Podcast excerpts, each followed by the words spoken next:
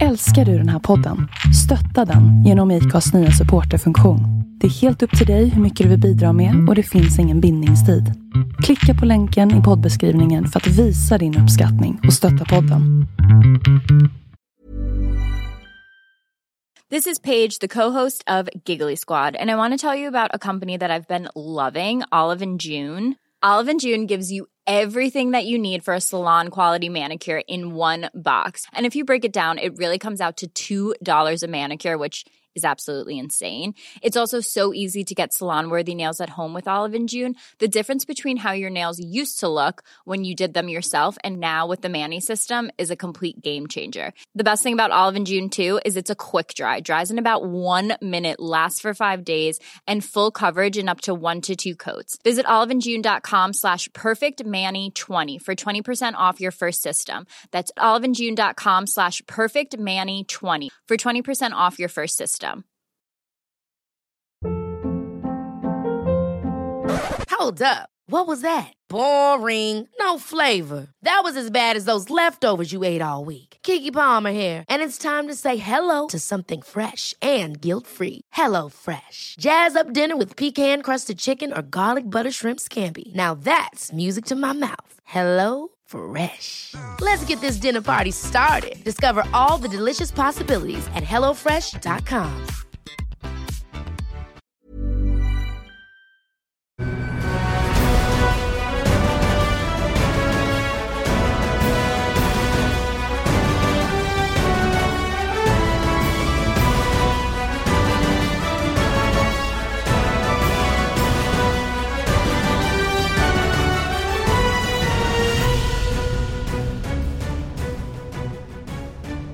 Varmt välkomna till eh, den åttonde MotoGP-podden för säsongen med eh, Lion och Mårtensson. Och eh, Mårtensson på andra sidan här. Vad eh, tänker du efter racehelgen i Brno? Det är en bana som du har varit mycket på, jag har varit där en hel del. Vad fick du för känslor eh, att vara där och arbeta? Först skulle jag prata om känslan där vi befinner oss just nu. Vi har ju faktiskt bytt inspelningsplats här Tobias. Var är vi någonstans? Ja, vi är på min andra arbetsplats och ja, det, det är en annan känsla än i ditt superstylade kök.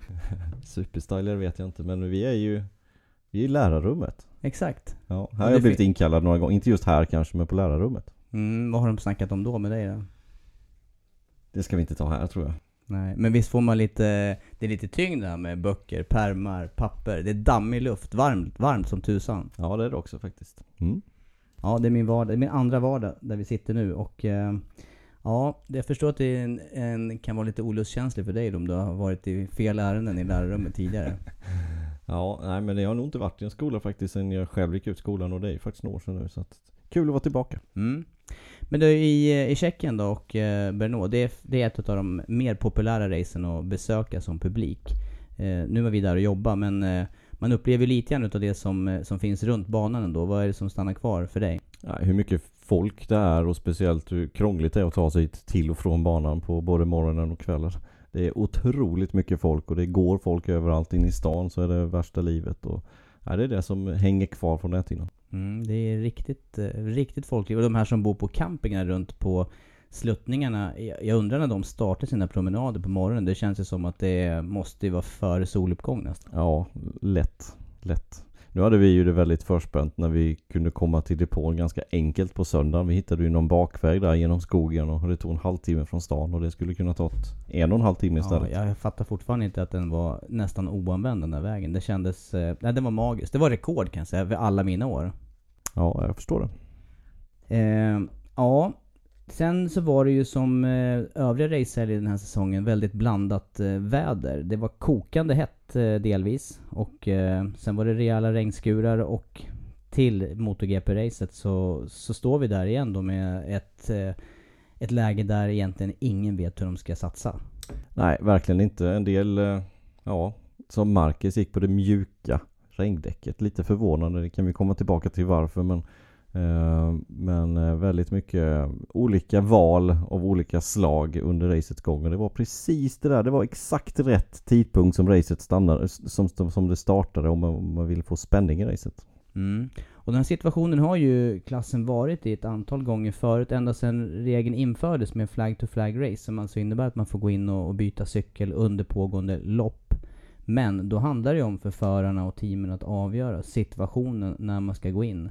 Och samtidigt hur, hur cykeln som står i depå ska vara uppsatt. Och det, det, det var ju det som verkar ställa till det under, under det här loppet, ordentligt. Ja, jag tycker det är lite förvånande ändå att man har, som i det här läget som vi hade nu i söndags med en ganska snabbt upptorkande bana.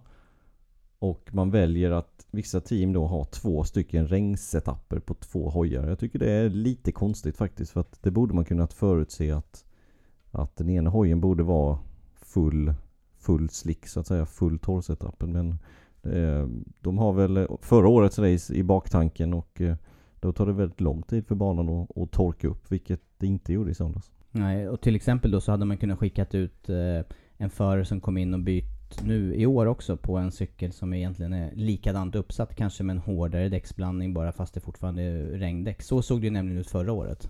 Ja, det gjorde det Men eh, det var inte aktuellt i år överhuvudtaget. Nej, och, och jag tyckte ju faktiskt att vi hade en... Eh, vi såg lite grann av det där på... Dels på besiktningsvarvet men även på uppvärmningsvarvet.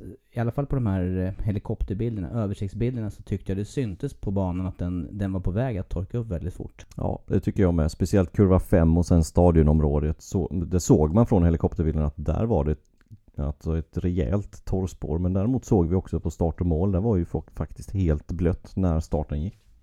Men hur kommunicerar man det här med förarna? Och sen så, så vet vi också att en del förare, beroende på vad man använder för visir, har ju också svårare att faktiskt uppfatta hur, hur förhållandena är. Mm. Klart visir brukar vara enklare i alla fall än, än att ha ett rök, rökfärgat visir. Dra- Racet drar igång i alla fall och alla cyklar står med, eh, med regndäck på startplattan och det är snabbt upptorkande bana visar det sig. Eh, vad är det sen som händer i inledande varven? För att jag kan ju konstatera från där vi satt i en eh, hermetiskt tillsluten container på marknivå så var det ju inte lätt att ha full koll på aktiviteten utanför. Vi hade ju alltså, vi hade ju våra skärmar naturligtvis med tidtagning och så vidare men alla små detaljer såg inte vi så att vi har ju fått pussla lite grann efteråt här för att, för att skaffa oss eh, korrekt bild av vad som skedde. Ja, så var det. Men, det. men eh, det började med att Marcus startade på det mjuka bakdäcket. Vi var inne lite på att det kunde ha med att göra att han ville ha en lucka i början. Eh, genom att ha lite bättre fäste. Men nu torkade det upp så pass fort så att han fick inte den här luckan. Och det funkade inte istället utan det gick bara ovanpå asfalten egentligen och bara slirade för honom. Och då såg vi honom droppa ganska kraftigt där på inledningsvarv redan att han började tappa positioner, eller kanske på varv två. Varv två var det. Ja precis. Och då tappade han ganska rejält, speciellt i, i slutet av varvet. Då hade han nog bestämt sig för att nu ska han gå in. Och då är en del inne på att eh, hans strategi var att droppa lite grann för att ingen annan skulle se när han smet in i depån. Och visst, det, det kan vara så att han var så lurig, Marcus, vem vet. Men i slutet av varv två så gick han in i alla fall. Tillsammans med några andra också, Folger bland annat. Men det var ju förare som befann sig bakom honom då, i det läget. Ja precis, som, som, som tog rygg på Marcus. Ja, men- vi har ju också sett, eh, tittar man tillbaka då på, på race tidigare, jag tänker på Sachsenring förra året när han var lyckosam i det här också, Marquez.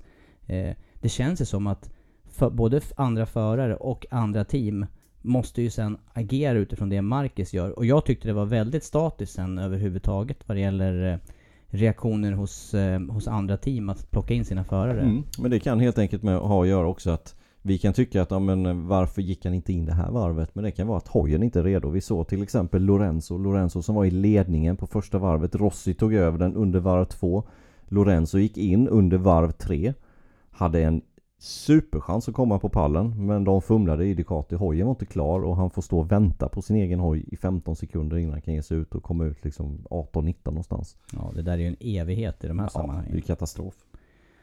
Ja, Och, och vi ska inte glömma Folger Nej, också. jag skulle säga det. Det här hände ju redan innan för Folger. Folger var inne på samma varv, alltså varv nummer två. Samma varv som Marquez gick in, var i rygg på Marquez. Men hans hoj var heller inte färdig utan han fick åka rakt igenom depån och så in nästa varv igen och det tappade han ju hur mycket som helst på. Mm. Det räknar man ju på när, närmare en halv minut på de där. Det är ungefär som en bestraffning, en ride-through då, som, som man kan lägga på Folger. Ja exakt. Och annars, hade han varit felfri i, i slickskörningen sen bakom Marcus, då mycket troligt en pallplats eller andra, andra plats till Ja mycket troligt en andra plats. Mm. Eh, det var ju ett par till som följde med de två in där. Du nämnde Jack Miller. Han Nej, det gjorde inne. jag inte men det gjorde vi förut här när vi pratade. Ja, Jack Miller var inne. Mm, Och sen Bradley Smith var också inne där Ja. tidigt. exakt. Eh, hur gick det för dem sen då? Eh, Miller klarade inte riktigt hänga med Marcus tempo, droppade bakåt hela tiden. Slutade på en, eh, ja, vad slutade han på? Jack Miller?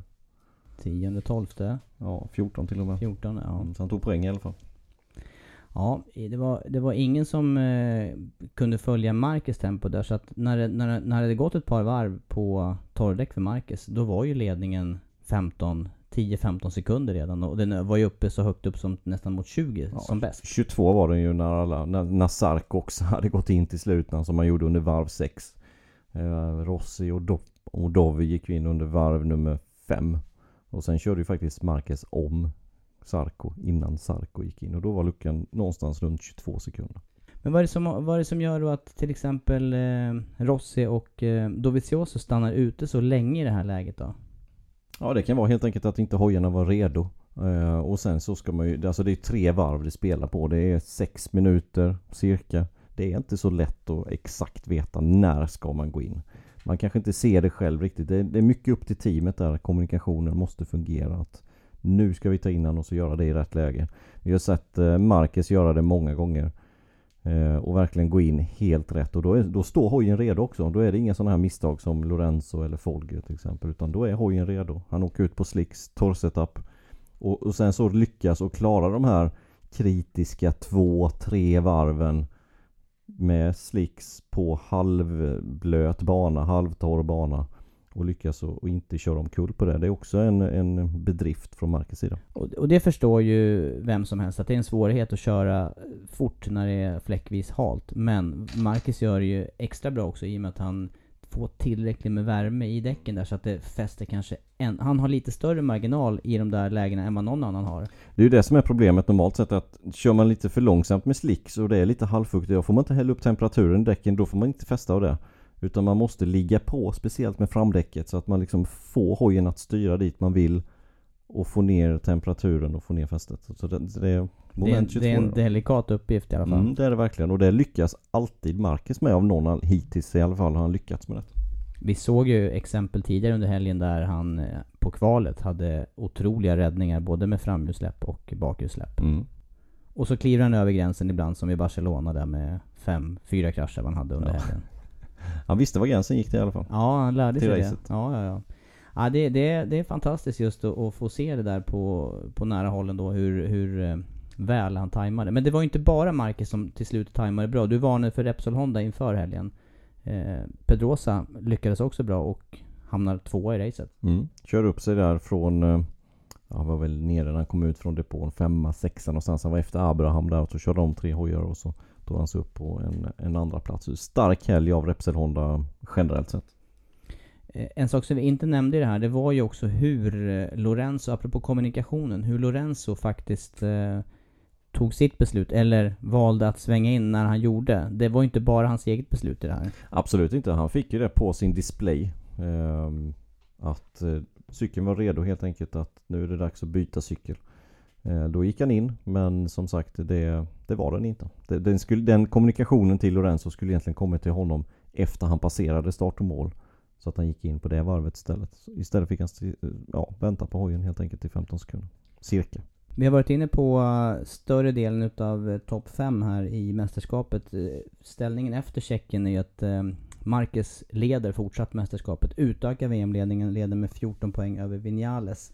Sen är det Dovi, Rossi och Pedrosa inom 10 poäng från Marquez, men 21 poäng och till 31 poäng efter. Mm. Eh, den vi inte pratar om här är Vinales. Hur, eh, hur bedömer du hans eh, eh, raceresultat då i förhållande till vad man kunde tänka sig innan?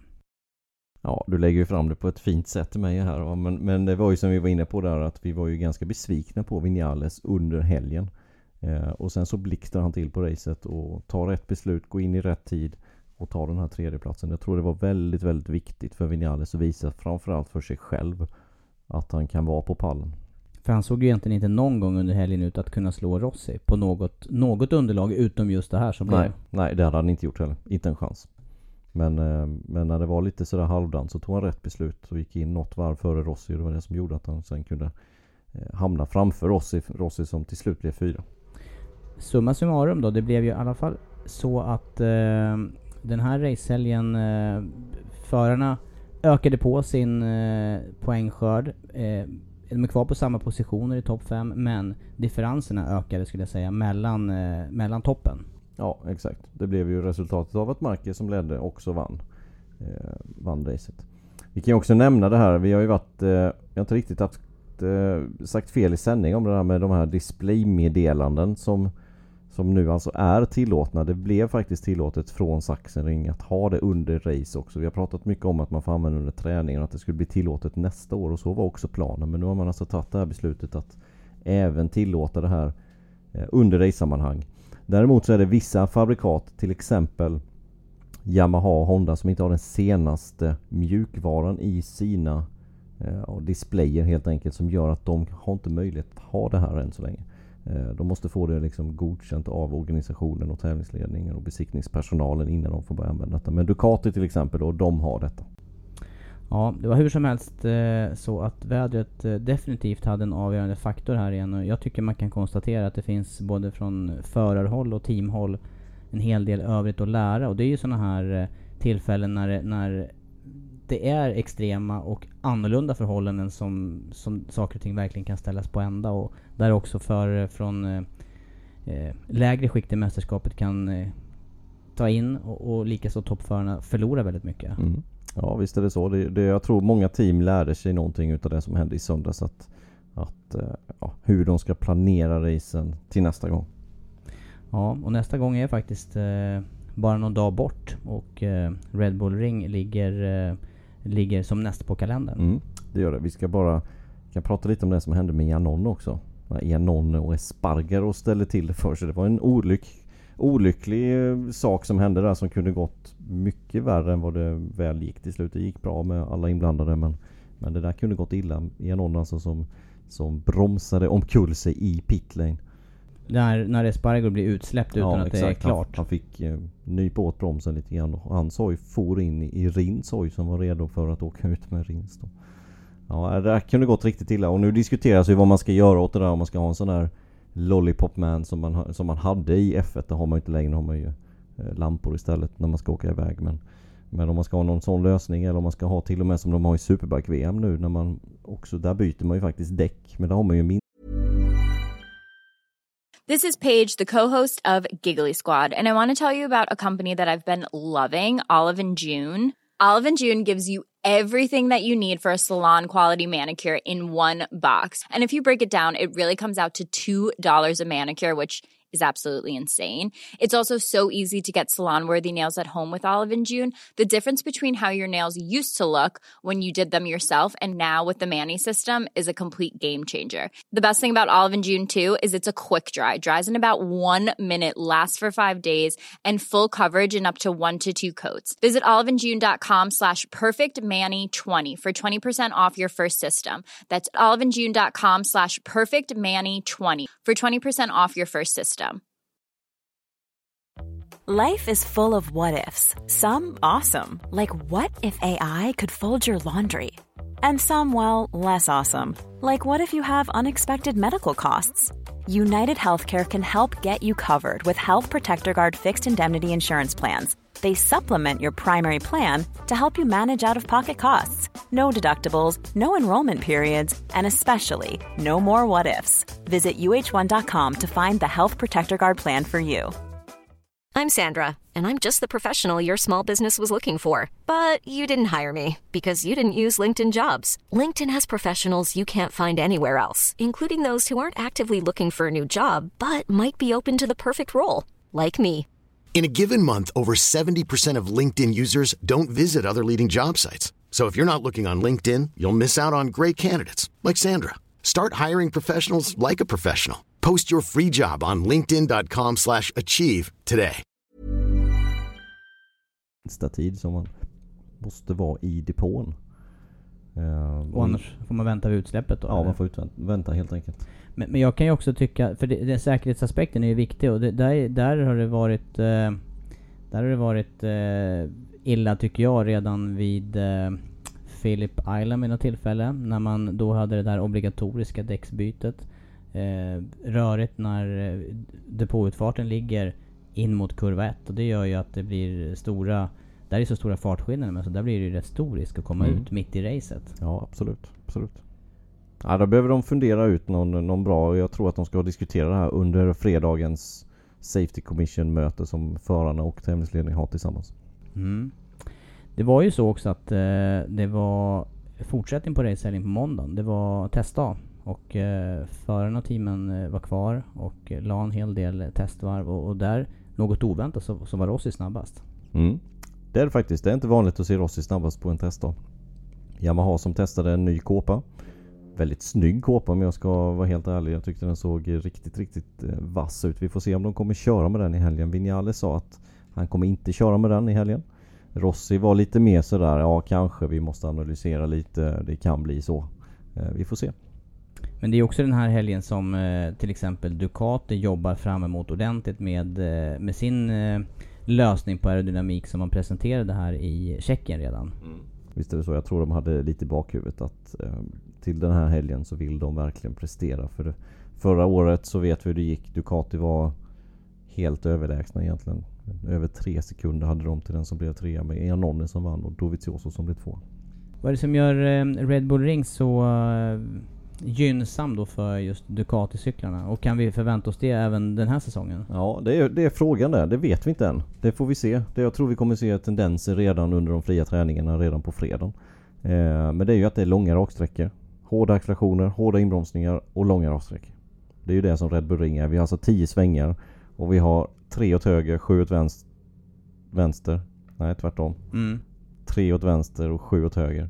Eh, och den ena vänstersvängen det är en liten knick inför kurva 3 som det blir då. Så att egentligen är det ju bara två stycken vänstersvängar. Så att... Eh, ja, speciell bana. Mm. Och det är dessutom eh, den här nivåskillnaden från start och mål och upp mot kurva 3 där som suger all kraft i accelerationen. Det, det, man har i princip samma nivåskillnad på den från kurva 1 till kurva 3 om man nu räknar bort lilla bromsningen upp mot kurva 1 så är det ju samma nivåskillnad som eh, hela Brno från topp till botten. Ja, helt Och det är på en acceleration upp där så att man, Mm. man fattar ju att det kräver kraft. Men sen gäller det också att få ner kraften och det gäller också att hålla framhjulet i, i backen då. Jag tycker att vi har sett tendenser, vi såg det nu i, i Tjeckien där eh, uppför backen mot depåområdet där Ducati inte hade samma övertag som, eh, just effektövertag som man har sett tidigare. Nej, och även Honda var med ganska bra där. Honda som generellt sett har haft problem i accelerationerna. Så att, eh, vi får se helt enkelt eh, om Ducati kommer vara lika starka som förra året. De kommer vara starka men frågan är om de kommer ha det här övertaget som de hade under förra året. Jag är lite tveksam men som sagt man vet inte och dessutom så i år har de ju också två väldigt bra förare kan man ju inte säga någonting annat om. Dovizioso som har vunnit två race. Lorenzo som, som han såg helt på nyttfödd tycker jag ut i Benoit här nu både i torrt, i blött och i halvdant. Mm, ja, ja, jag var helt, eh, jag var också förvånad och imponerad. Mycket kan man ju faktiskt eh, eh, härleda just till den här nya aerodynamiska lösningen då som, Mm. som verkar ha gett honom mycket större Mm. självförtroende. Kräver mer, mer tryck på framhjulet Lorenzo får alltså förtroende för framänden in i svängarna och det får han med hjälp av den här kåpan och, och det är han väldigt nöjd över. Bra start av Lorenzo Bruno. Ledde racet in i kurva 5 redan på första varvet. Eh, och sen blev han omkörd under varv 2 när Rossi körde förbi och sen gick han in i det på direkt. Eller varv 3 när han gick in i det på. Så att Lorenzo var absolut giftig och kunde mycket väl tagit en pallplats i söndags om de inte hade strulat i depåbytet. Eh, återigen, eh, i och med att banan ligger som den gör nu, Red Bull Ring tänker jag, i närheten då utav, eh, eller om, snudd på omgiven utav eh, höga berg, så är det ju inte, eh, det är inte konstigt med snabba väderförändringar där heller. Nej, visst är det så. Och det ser lite ostabilt ut för helgen. Så att det är också en aspekt som, som man ska ha i åtanke om vi ska tippa de här resultaten som vi ska göra om en liten stund här, jag och du Tobbe. är det sant? Ja. Ja, eh, ja vi får- jag får eh, samla tankarna lite grann till dess då. Men eh, det är eh, så långt gånget då som eh, vi var halvtidsuppehåll och sen så um, Tjeckien första racet på andra halvan.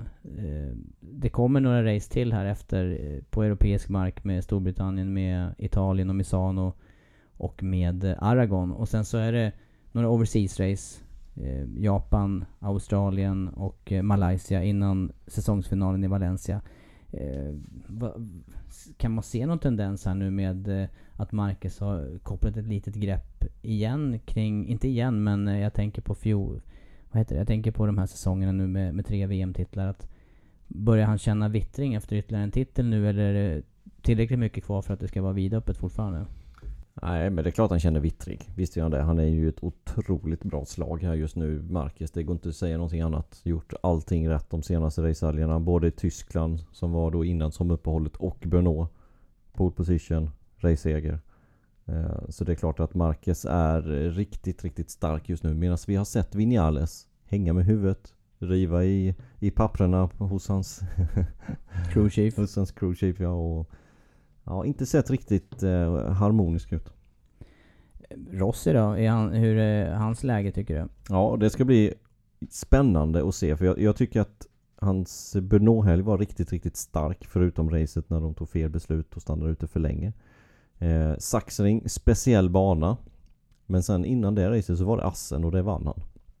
Då fick han sitt nya chassi. Så att hur det egentligen fungerar, det har vi inte sett riktigt i racesammanhang sen Assen.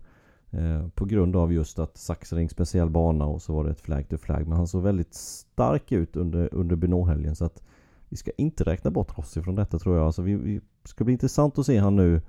Kanske inte, ja det ska bli intressant att se han denna helgen också men jag tror det är viktigare nästa racehelg på, på Silverstone. Ja det är en sån bana som skulle kunna Mm. eh, funka ordentligt med, med Yamahan. Ja, och då, då ser vi om hans nya chassi verkligen har gjort skillnad eller inte.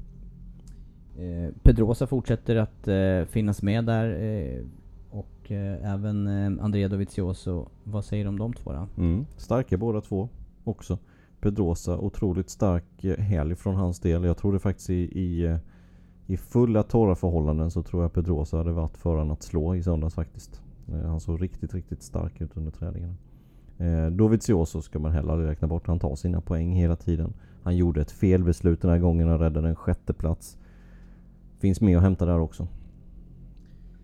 Eh, och tittar vi eh, på hela startfältet då så handlar det också om nu den här racehelgen som kommer i Österrike om att eh, KTM har ytterligare en cykel på plats. Och då är det Mika Kallio som kör eh, wildcard. Vad betyder det för, för ett märke som KTM så här första säsongen? Det betyder jättemycket att de får en cykel till att testa på. Vi vet att de var på ett Aragon och testade tidigare under sommaren. Då var även Oliveira där och testade. De hade fyra cyklar. Det är klart att utvecklingen snabbas på när man har fyra kompetenta, eller åtminstone tre riktigt kompetenta förare som kan utvärdera MotoGP-cykeln. Och så de övriga tre märkena med, eh, med Aprilia, med eh, Suzuki. Ja, jag har inte tre märken till men eh, två märken i alla fall. Aprilia och Suzuki. Ja, Kawasaki är inte med tyvär. Nej, De satsar sitt, vad de jag tänkte på. ja, de satsar Rädda mig här. De satsar sitt i eh, World Superbike fortfarande. Ja. Nej men jag tänker på Aprilia och eh, Suzuki. Vad kan, eh, vad kan eh, respektive tillverkare göra resten av säsongen nu då? Aprilia behöver ju eh, fortsätta som de gjorde i Brno tycker jag. Jag tycker det var ett litet steg framåt åtminstone för Aleix Spargaro som var med uppe i tätgruppen, bytte cykel i tid eh, och som är väldigt stark förare också. Sam Lowe som faktiskt var med ganska bra under warm-upen. Det ska han ta med sig. Hans framtid hänger fortfarande lös, det vet vi. Vi vet inte riktigt vad som kommer hända med honom även fast han har kontrakt över nästa år. Suzuki, där är det ju en förare som återigen behöver ta sig i kragen. Eh, och det är ju Janone. Det, det är ju inget att säga om fortfarande. Nej, och där får vi också se då hur eh, Suzuki resonerar kring, eh, kring eh, sina förare. Men en förare som däremot har gjort klart för nästa säsong och som kommer att ändra märke, det är Jack Miller. Mm. Han kommer gå till Pramac Ducati jämte, jämte eh, Danilo Petrucci.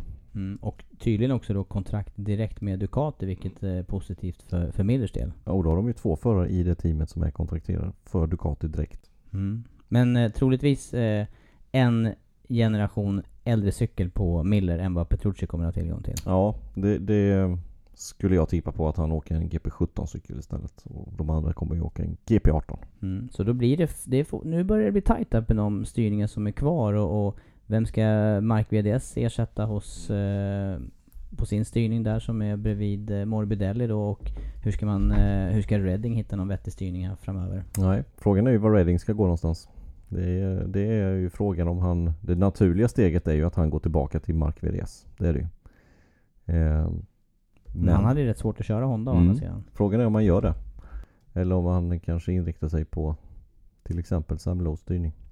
Mm, ja, det är, några, det är några frågetecken. Men, men klart är ju också att det blir en extremt spännande kontraktssituation efter nästa år sedan. Ja, För då exakt. går ju allting ut.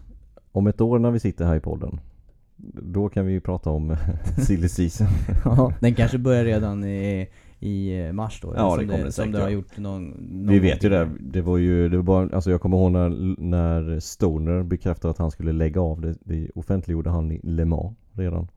Eh, Femte racehelgen för året. Så att eh, det kommer dra igång tidigt. Och likaså eh, Rossi Lorenzo kontraktssituationen här för något år sedan. Den var ju också extremt tidig vid säsongspremiären. Ja, precis. Ja, vi har mycket att se fram emot. Det är helt klart. Och eh, du ville att vi skulle tippa också? Mm, exakt. Alltså våra kollegor i eh, F1-bloggen, de har ju, eller F1-podden och F1-bloggen för den delen. Eh, de har ju ett poängsystem där. Där de tippar vem som bryter först i racet, vem som vinner racet och vem som har pole position. Jag tänkte kanske inte vi skulle kopiera det. Det kanske blir någon upphovsrättslig eh, tvist mellan oss. Det kanske slutar i skilsmässa totalt här. Ja, man vet inte. Ehm, så vi får komma på något eget helt enkelt. Och vi tar så tråkigt att vi tar ettan, tvåan, trean och pole position. Mm. Och sen så återkommer du med poängsystemet då? En poäng per rätt plats och rätt förare. Hmm. Och du får börja tippa. Jag, eh, jag har ju min klar. Och vi får, inte, och vi får säga samma så att det är bara att köra på. Du börjar. Du, det här var ju intressant. Mm. Här, här, ställer jag, här ställer jag, ställer du mig direkt inför en, en supersvårt avgörande och noll betänketid. Ja, så är det. Jag säger utifrån det vi har sett tidigare att... Eh, ja, då säger jag att det är dags för eh, Dovizioso att vinna ett race till. Mm. är etta. Mm. Sen så kommer även eh, eh, att... Det kommer Marquez att kunna vara med här och eh, fightas på pallen. Så han blir tvåa. Ja. Och därefter, på tredje plats, så är det... Eh, ja, jag tänker också på väder. Ja, jag säger, jag säger eh, Rossi, för jag tycker han var så stark här i, eh, i Tjeckien. Så då är det Dovi, Marquez, Rossi. Tre märken på pallen. ja. Hur låter det då? Pole position då. Pole position. Det vet vi ju hur eh, väl Marcus hanterar kval. Och eh, jag sätter honom i pole där. har, vi, har vi tippat lika? Eller? Ja, det, det har vi nästan gjort faktiskt. Det, det kan jag säga. Jag har också Dovi som etta. Ja. Jag har också Marquez som tvåa. Jaha. Jag har också Marcus i pool. Men eh, Trea har du satt... Vänta nu då. Då har du satt... Eh, Pedrosa som trea. nej, jag har satt Lorenzo Ja, som har trea. satt Lorenzo. Mm. ja. Efter det du Ehm. såg på inledningen här Ja, och testet racet. också. Ja. Så jag tycker det är tråkigt att ta samma som dig ju. Jag tycker det. Det skiljer sig ju en Ja, det skiljer sen. Men jag, jag ändrar om lite. Jag säger att eh, Lorenzo vinner. Det är dags för Lorenzo. Då byter du plats på Lorenzo Dovizioso Mm, då? det gör jag. Ja, då, Så gör jag. ja, det låter ju... Det var ju Lorenzo Marquez Dovizioso. Även fast jag, jag tror på Dovizioso. men ja, jag gör ja, så. det blir intressant. Mm, vi får se. Vi har alltså inte snackat ihop oss om det här. Nej. Men jag är helt, över- jag är helt med dig på Rossi. Faktiskt också. Yamaha gjorde en stark insats på Red Bull Ring förra året. De blev 3 och 4. Lorenzo blev 3 Tre sekunder efter Ducatin. Rossi Ja. blev 4. Ehm, Ja, jag tyckte de hade bättre fart nu än det vi såg eh, fartmässigt i Brno där det också var på effektkrävande ställen där. Så det var lite så jag tänkte här nu. men jag tror att det är de fyra namnen som vi har nämnt där som kommer göra upp om det. Dovizioso, Lorenzo, Marquez och Rossi. Mm. Jag hopp, ja, nu har vi ju repeterat det här så många gånger så nu har ju alla uppfattat det. Nu blir det... Nu, nu får det bli så helt enkelt. Ja, nu får det bli Vi får så. se. Ja. Vi är inte på plats den här helgen tyvärr. Det var vi i Brno. Ja, så nu får vi eh, Nu får vi gå på mina erfarenheter där. Jag har faktiskt kört endurance där. Sex timmars. Eh, och eh, Det var ett par år sedan som jag brukar säga. Men minnet... 10, Min- 15. Sluta. Eh, det, det får duga som, som referenspunkt i, det här, i, i nästa racehelg helt enkelt. Ja, hur som helst. Med detta så, så tänker vi avrunda den här åttonde MotoGP-podden och eh, ni följer oss såklart på Viasat Motor, på Viaplay och sen så kollar ni även in då på viasatsport.se för eh, de senaste nyheterna under den eh, elfte racehelgen för säsongen. Tack så länge!